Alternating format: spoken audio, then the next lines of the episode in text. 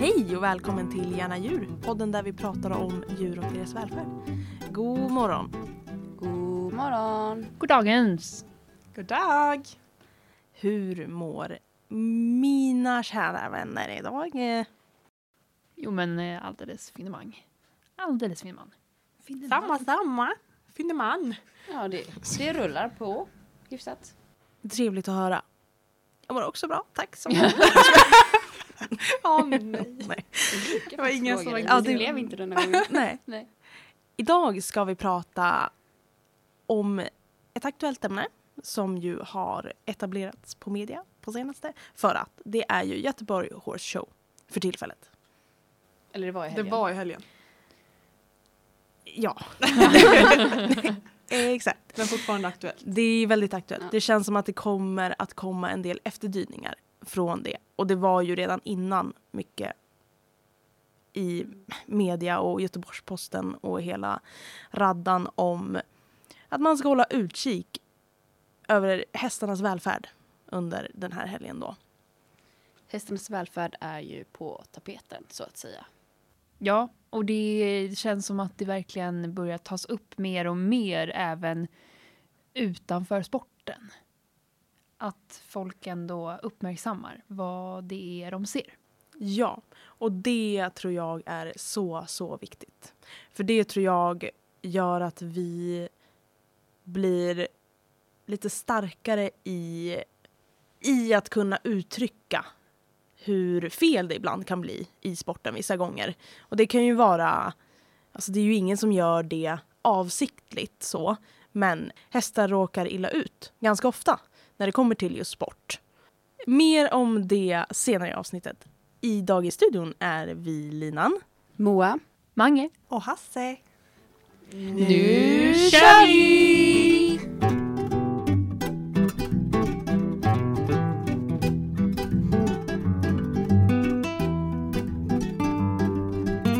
Vi kan ju börja med att säga, vi, det har ju nämnts förut i podden, men jag tänker att det tåls att nämnas igen. Vi har ju alla varit mer eller mindre aktiva inom sporten, eller i alla fall ridit traditionellt. Vi har Ja. varit inne i den här världen. Vi har själva besökt sådana här eh, event eh, flera gånger under våra liv. Så att det är ju ingenting som är nytt. Och det ser ju likadant ut nu som det gjorde förut. Det är ju egentligen ingen skillnad. Det är ju bara just att nu så uppmärksammas problematiken kring hur vi faktiskt hanterar hästarna och vad de utsätts för och vad det faktiskt är som händer på såna här stora event. Verkligen. Och jag blir ju väldigt... Jag går ju mycket i tankar när det är såna här events som sker då. Och en del av mig är ju verkligen så här, nej, slopa sporten helt och hållet. Men en annan del av mig är ju snarare att man kan ju inte slopa någonting bara från en dag till en annan för att det kommer aldrig funka i samhället. Utan hur och på vilka sätt kan vi göra för att förbättra och göra det bättre för hästarna och fortfarande kanske bibehålla någon typ av sport. Det problematiska ofta med hästsporten är ju att det är så mycket tradition. Det tycker jag sätter käppar i hjulet för mycket när det kommer till att vara i framkant och att faktiskt vara villiga att ändra på saker och ting. Att det är så mycket som är tradition, att det kommer upp saker.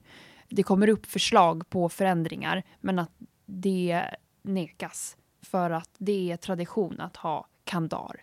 Det är tradition att ha sporrar. För att är man tillräckligt duktig så ska man kunna använda det. Att det hör till i uppvisningen av då till exempel ett dressyrprogram. Att man ska klara av att rida med de här verktygen. Det där tycker jag är kul. Att man ska vara tillräckligt duktig för att kunna rida med sporrar. Kan du inte vara tillräckligt duktig för att inte rida med sporrar och kanske inte ens använda skinkan överhuvudtaget möjligtvis. Precis, verkligen. Om man nu är väldigt duktig på att rida, då skulle man ju egentligen inte behöva använda någon typ av tryck och eftergift som orsakar obehag på hästen. För att då förstår man hur inlärning fungerar och kan lära en häst att göra en viss typ av rörelse utan just tryck och eftergift. Mm. Men då kommer man ju in lite i den här debatten att det är ju en hierarki någonstans inom hästvärlden. Och eliten ska kunna allting. Och hade man gått över då till till exempel belöningsbaserad träning så hade de ju varit nybörjare och jag tror inte det hade funkat. De hade aldrig liksom accepterat att bli nybörjare på inom någonting som egentligen de tillhör eliten i. Gud, och man det hade kommit sant. ifrån tryck och eftergift. Då har jag inte tänkt Så på att att de få det att liksom, få in det tankesättet känns ju omöjligt om jag ska vara ärlig. Verkligen. Det har du nog alldeles rätt i. För det blir ju som att slopa sporten för vissa. Och det är ju problematiskt för många gånger när man hör folk uttrycka just den här grejen är ju att ja, men vi kommer inte få ha våran sport kvar. Men är man så pass orolig, eller om man säger en sån sak, tänker jag, då är man ju väldigt orolig för sin egen vinning i sporten. Och vad man själv får ut av sporten snarare än att försöka göra det bättre. Att förändra på det- olika sätt. Ja, och det kan ju också där visa då på när man tar upp de här problemen som finns i hästsporten och hur hästarna mår, hur de hanteras, hur man rider dem, alltihopa. Om ens go-to är att säga ja, men då kommer vi inte ha någon sport kvar. Då visar man ju ändå på att man förstår att det inte är något bra för hästarna också. För att om man säger att ja, men okej, vi kan inte rida hårdhänt, vi kan inte göra det här och det här och det här. Och om man då säger att ja, men det kommer inte vara någon sport kvar. Ja, det, det är exakt så. Om vi inte klarar av att rida på ett sätt som så att hästarna ändå kan må bra, nej, då kanske vi inte ska det. Om man säger en sån sak så erkänner man ju ändå någonstans att sporten är ju inte till för hästens skull. Utan den är ju till för människan. Verkligen. Och det är ju nog, alltså hästsporten är väl den sport främst inom djurvärlden som ju kanske mest är till för människan. Är min egen upplevelse av det hela då. För det vi gör med hästarna är ju från i alla perspektiv så himla onaturligt för dem. Utifrån vad de är för typer av djur och hur vi har domesticerat dem och hur vi håller dem idag. Ja, för det är väl det klassiska som ofta tas upp, att ja, men de är ju domesticerade. Men, och det har vi ju pratat om förut i podden också, just med domesticeringen av hästen, att det är ju inte det går ju inte att jämföra med alla andra arter vi har. Alltså för att de djur vi håller, vi människor, de har ju olika förutsättningar för de har kommit olika långt i domesticeringen på något sätt. Och vi har avlat på dem på olika sätt. Jämför man en häst med en hund. En hund har ju avlats specifikt för att samarbeta med människan. Det har ju inte hästen gjort på samma sätt. Den är ju fortfarande väldigt fast i att de är flockdjur som vill vara med sin flock. För dem är det fruktansvärt onaturligt att lämna sin flock och åka iväg på ett event på en stor arena. Mm, och också flyktdjur. För det är ju otroligt mycket mer accepterat inom till exempel hund att träna hund på hobbynivå. Man kan ju vara lika duktig för det fastän man bara inte har det tävlingsintresset. Och till och med kanske till och med bättre på att träna hund om man inte tävlar. För att man fokuserar på att just träna.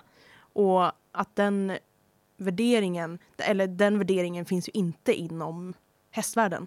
Utan ju högre klasser du tävlar desto bättre är du på att hantera och träna häst. Men det är ju bara en otroligt liten del av hur man kan hantera och hålla häst. Och det är ju tyvärr den delen som ju faktiskt påverkar välfärden allra mest hos häst. Men om vi ska gå in på lite mer konkret nu då. Hur språkbruket kring ekipage och tävlingen är.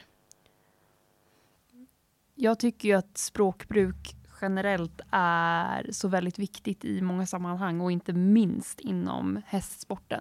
Och att just det språkbruket man hör när det kommer till kommentatorer och de som är nere och intervjuar ryttarna och även hur ryttarna uttrycker sig.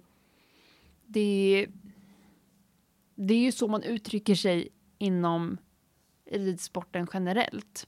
Men det är ju, det är ju det som upprätthåller de här strukturerna över hur vi ser på hästar och hur vi ser på deras välmående och deras välfärd när vi tränar dem.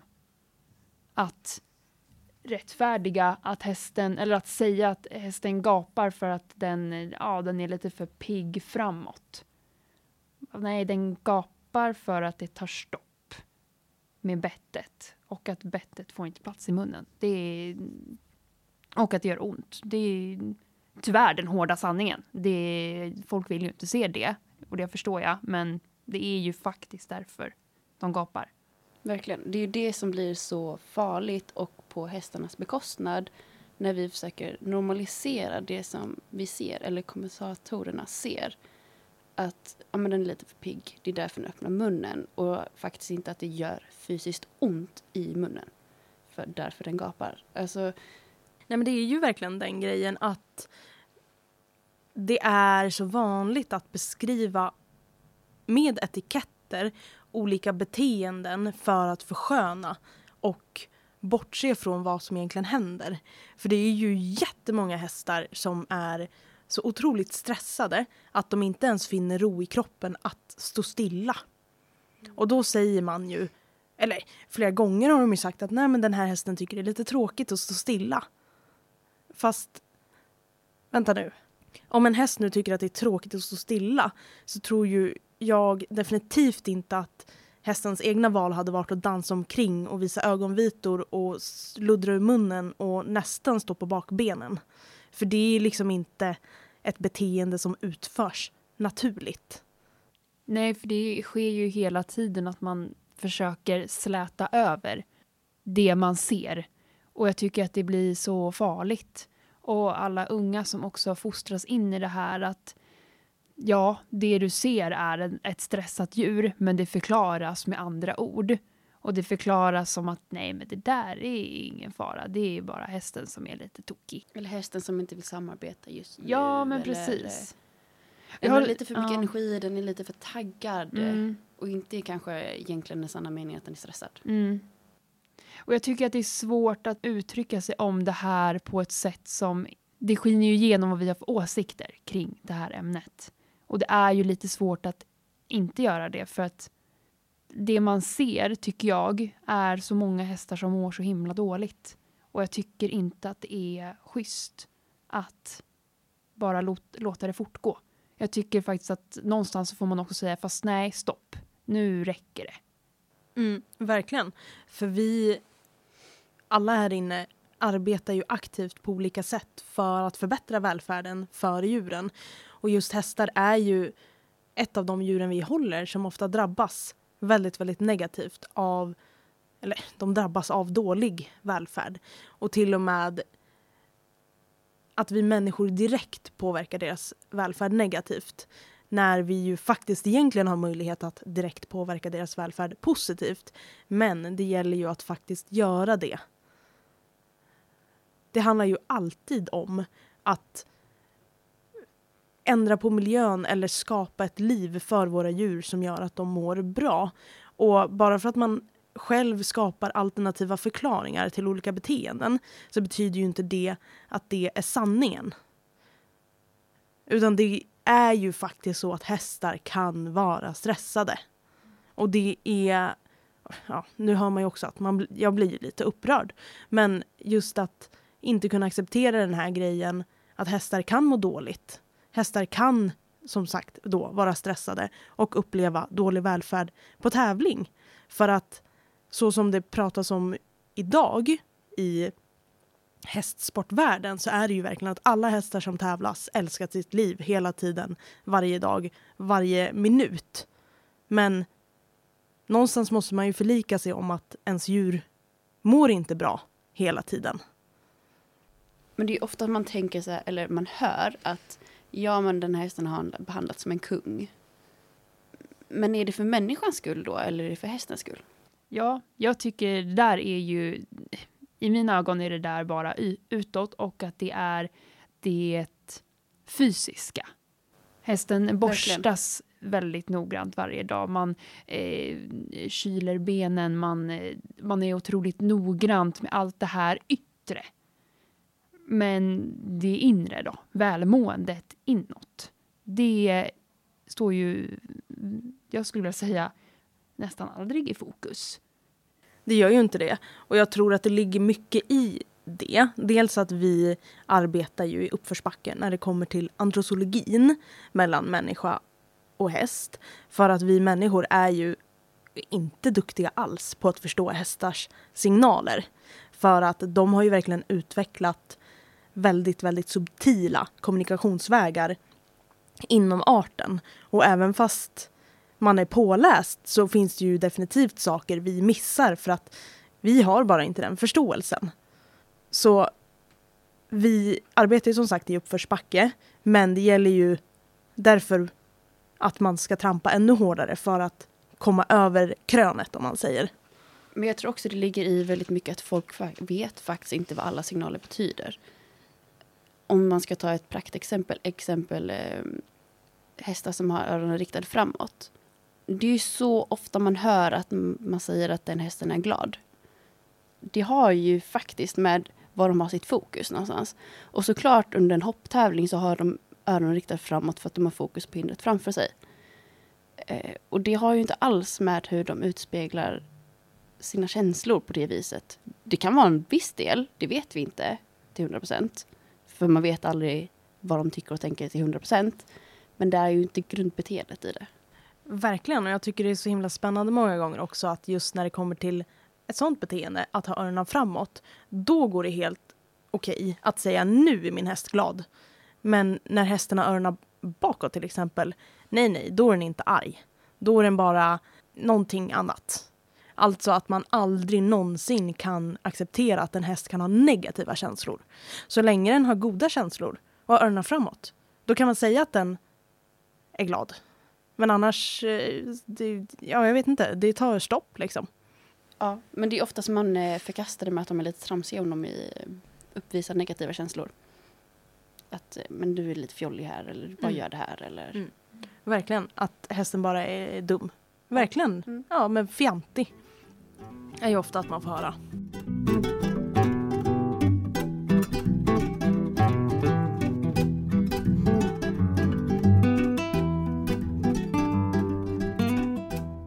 Och det är ju otroligt många fler beteenden som man ju har ändå ganska bra koll på betyder vissa saker.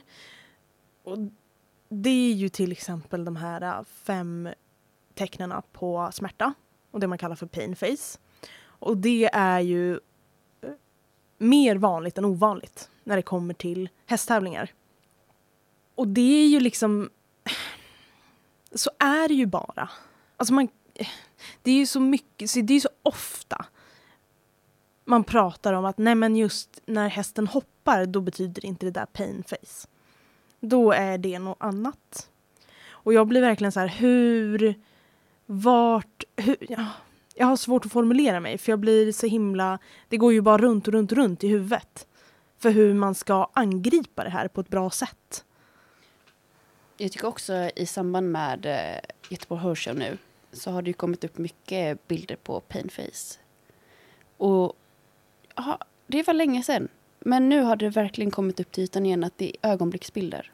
Det har ändå legat lite paus känns som. Att folk har liksom här, kanske accepterat att det inte bara är ögonblicksbilder. Men det är, det är förklaringar som man går runt nu. Och... Det är lite svårt att argumentera, tycker jag, för ögonblicksbilder när det bara räcker med att sätta igång Göteborg Horse Show. Att man, eller vilket sånt här event som helst, att se, titta på en video, titta på ett helt dressyrprogram, titta på en hel hopprunda det är inte ögonblicksbild. Det går liksom inte att säga. För att det är svart på vitt där. Att man ser det genom hela ritten. Att det finns problem för hästen i att det, den utsätts för smärta och att den är spänd och att den är orolig. Det går liksom inte. Nej, jag undrar hur länge det kommer funka att använda som argument. För vi blir ju motbevisade gång på gång i ganska grova djurmisshandelsfall som ju faktiskt har uppdagats nu på sistone. Att det visar ju sig att nej men det här försiggår ju faktiskt. Det är inte bara en sekund av hela livet. Utan det är livet. Det är inte bra. Jag kollade på lite i helgen. Och eh, då var det en häst, det kan ha hänt fler gånger under eh, helgen. Men det var ett ekipage som jag såg då.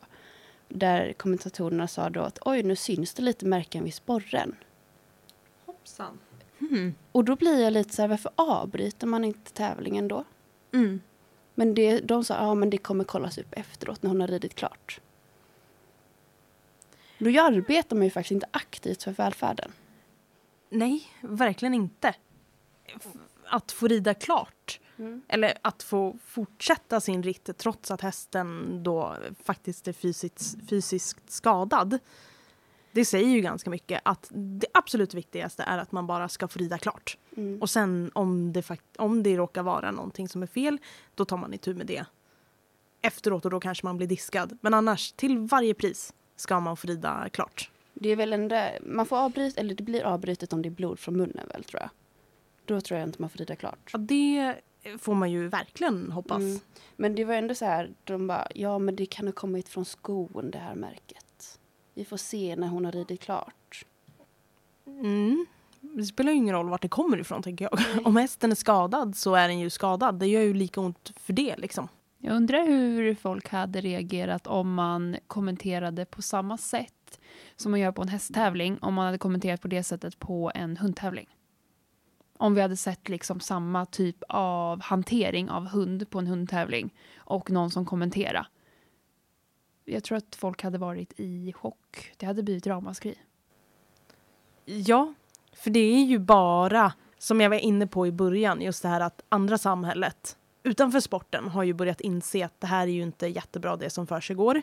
Och att det är ju bara inom hästsporten, alltså communityt hästsporten, som normaliserar och okejar det här. För det är ju precis som du säger Mange, att tar man den här normstrukturen och placerar det någon annanstans så skulle ju folk trilla baklänges. Rent ut sagt. Ja, verkligen. Och nu har jag inte tittat jättemycket på, på klipp och så, men eh, jag läste en kommentar som en person har skrivit. Då var det någon som reflekterade kring eh, en, eh, ett ekipage då, eh, ett hoppekipage, där hästen rev det första hindret och sen kom ur balans till det andra hindret och mer eller mindre då kraschade in i det hindret. Men att ryttaren fullföljde sen banan. Just det. Och den här personen tyckte då att det var väldigt oetiskt, vilket jag också tycker. Jag tänker att om man kommer lite snett på ett hinder och inser att ah, men nu är vi ur fas, då kanske man ska bryta och inte fullfölja hela rundan bara på grund av en själv. Ja, det kan jag ju så att säga hålla med om. Och eh, bara en tanke nu på en gång att undrar om man liksom har tittat på vilken smärtreaktion en häst upplever eller får då efter att ha rivit ett hinder. För bommarna är ju ganska tunga ofta. Alltså jag menar, det, man kommer i ganska hög fart. Och hovarna är ju en del av hästens kropp som ju absolut kan påverkas av fysiska trauman när man slår i för hårt. Jag tänker också på att om man då kommer i obalans och alltså, vi är ju en vikt på hästen när vi sitter på hästen. Kommer hästen i obalans och vi kommer i obalans, alltså vad är det som säger att det inte är lätt för en sträckning? Om, liksom, om hästen försöker balansera åt ena hållet och vi helt plötsligt hamnar åt andra hållet. Alltså det är så här, ja, det kan gå fel. Man vet ju själv hur ont det gör i kroppen när man landar fel. Om man Verkligen. springer eller hoppar. Eller, alltså, kroppen blir ju förstörd. Oh ja. Mm, Eller om man råkar verkligen. parera åt fel håll och då har en vikt som parerat åt, åt ett annat håll. Nej, alltså, nej. Ja, verkligen. Och jag tror att, att man har tittat alldeles för lite på hur hästkroppen faktiskt påverkar under ridning. Men det finns ju vissa studier som har gjorts och det man har sett är ju att hästen i regel får ju mjölksyra i ryggen efter 10 minuter. Och det här har man ju undersökt. Och det går att undersöka också med hjälp av biomarkörer. Så det är ju ingenting man som människa anser att nu har nog hästen mjölksyra utan det här finns ju faktiska fysiologiska responser som man kan fysiskt mäta. Och då har man mätt upp det. Efter 10 minuter oavsett så har hästen mjölksyra i ryggen. Och alla som har varit på ett gym någon gång vet ju hur obekvämt det är att ha. Det är ju den här grejen med att tjäna pengar och att när djur är inblandade så går det allt som oftast ut över djuren. För att i slutändan så är det ju pengarna. Jag det är så mycket att som det- står på spel så att Ja, exakt. det går, för dem, deras skull går det liksom att offra djuret för att, Ja, för jag tänker att för... utan att tänka att man offrar, för det tänker de Ja. såklart inte, men det, det är så mycket som står på spel. Ja, för elitryttare så är det ju deras leverne. Ja. Det är ju så de överlever. Det är så de får in sina pengar. Och det är i slutändan, även om man bryr sig om sina djur, i slutändan så är det ju på något sätt ändå, djuren behöver ju ändå rätta sig efter att pengarna ska in.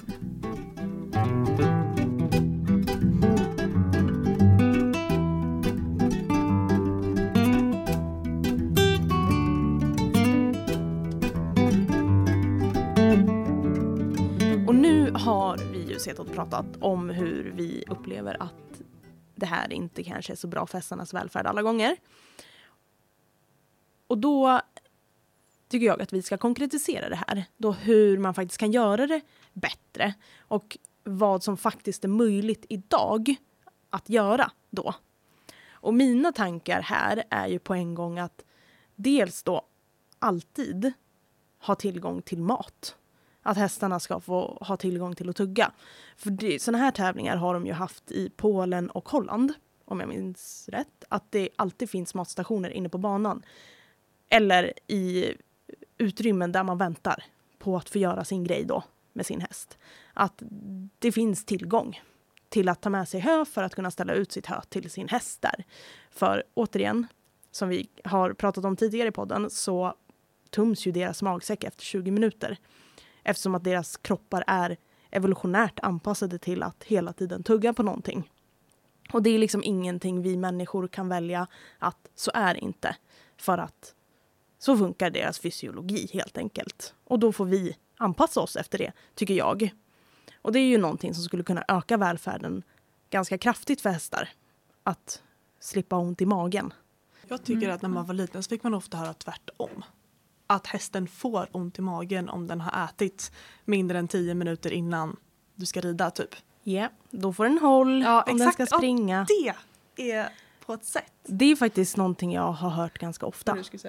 Jag tycker också att man borde vända på kraven. Att istället för att ställa krav på att man ska använda väldigt eh, skarp utrustning, att vända på det till att använda, att man har krav på att man inte får använda skarp utrustning.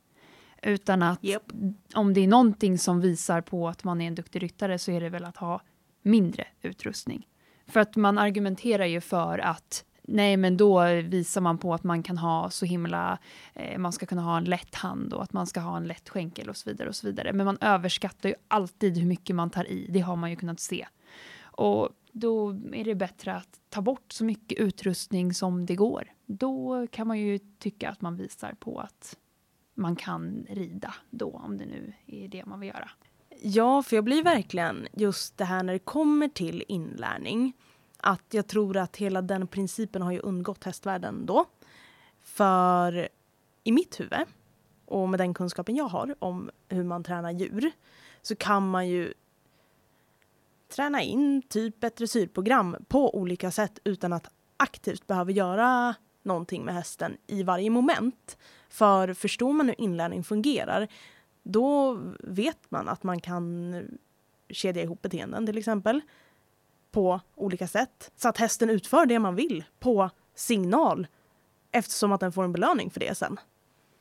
Men då är vi tillbaka till det vi pratade om lite innan, att eh, då blir ju eliten nybörjare. Mm. Och att få det igenom. Kommer inte att gå. Det blir svårt. Men det är kanske så här ett till tips då. Det finns ju faktiskt alternativ träning, eller tävlingar som eh, går. Men det är ju privatlagt tror jag. Men det finns, om folk är intresserade. Precis, och det var precis det, det jag tänkte på. Att man kanske faktiskt ska etablera andra typer av tävlingar också och skapa som ett community där och kanske bevisa att det går ju faktiskt att hantera hästar på andra sätt än det traditionella. Mm. Och kunna vara aktiv och utföra sport tillsammans med häst.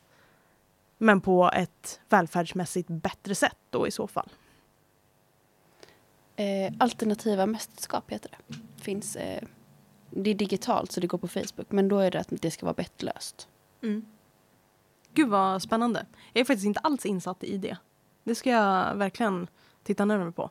För det är ju fantastiskt fint initiativ att faktiskt eh, skapa.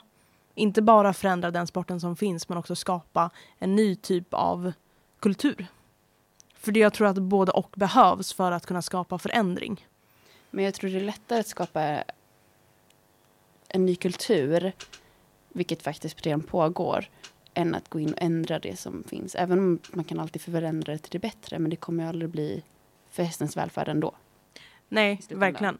Så är det ju verkligen. Man får ju bara hoppas på att folk, eller övriga samhället, förstår hur illa sporten kan vara den som finns idag då. Och hur fokus faktiskt kanske kan riktas mer på den nya kulturen som börjar växa fram. Och att det skapas ett större intresse där än vad den traditionella sporten får. Och det känns ändå som att skiftet börjar ske nu att övriga människor som inte är insatta i hästvärlden faktiskt visar intresse för den nya kulturen. Alltså genuint, men att det inte finns ett sånt intresse för den gamla sporten. För att de allra flesta som ser på det utifrån, återigen, tycker ju att det är sisådär. Men att det blir att det ersätter, tänker jag. Mm. Och att det känns som att det börjar bli två läger på riktigt nu. Inte bara att man önsketänker, utan det, eller önsketänker att det är två läger, men att det håller på att bli två läger. Och att det sker saker. Mm. Och att eh, vi i den nya kulturen då kanske faktiskt får väldigt fin stöttning från många andra.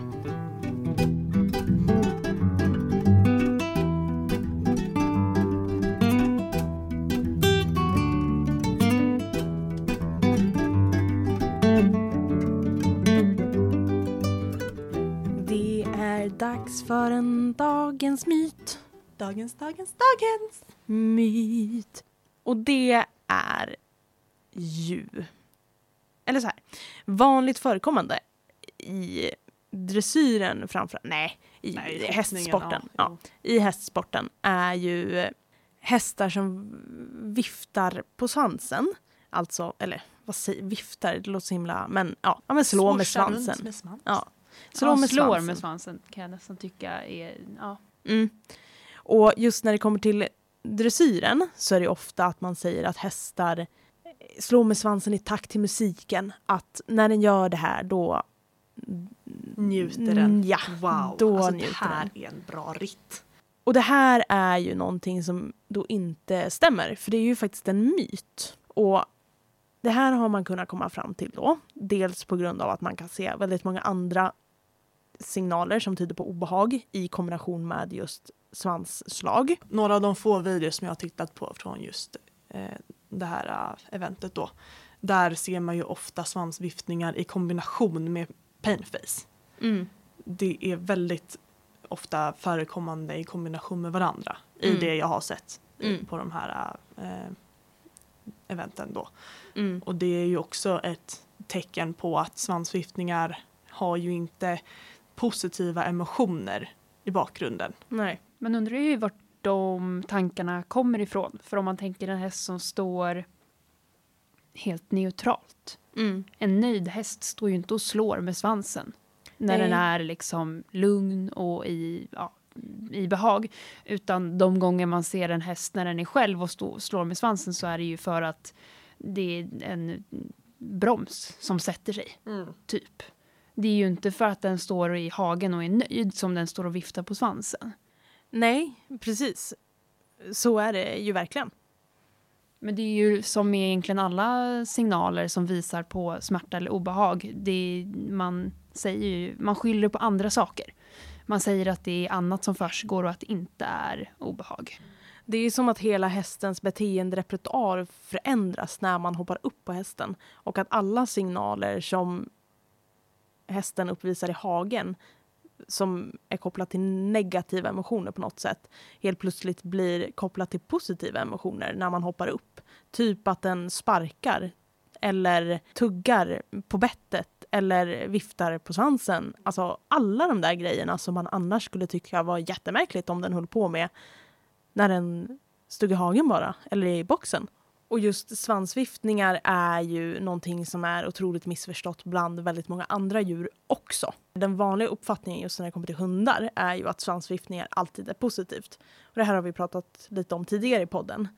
Men jag tror att det kanske kommer därifrån, att man tar till det. Att ja, men hästar som viftar på svansen är nog glada också då. Eller vi säger det i alla fall. Eller så handlar det om känslan. För att om en häst kan prestera, hur kan den då ha ont? Verkligen. Och då måste Det ju svansviftningen betyda något positivt.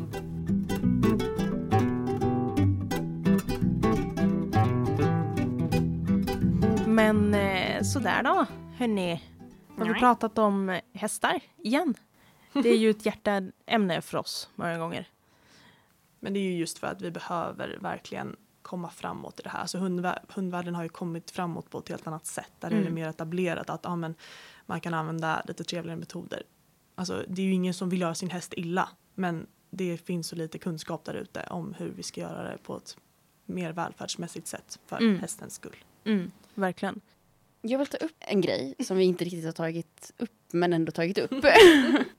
men eh, det har ju cirkulerat en video på Instagram om eh, sporrar. Och om du rider med sporrar så testa på din häst att eh, se hur mycket som känns bekvämt att trycka in den i magen på hästen.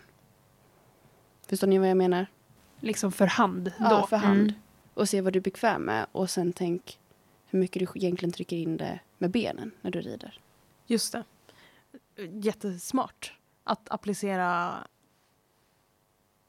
den typen av sammanhang i ett annat då, när man själv kanske mer medvetet utsätter hästen för tryck på olika sätt. Ja, när man faktiskt ser vad som sker. Och inte bara att man känner, utan man ser. Mm. Jättebra. Lite off topic, men ändå samma sak. Mm, verkligen.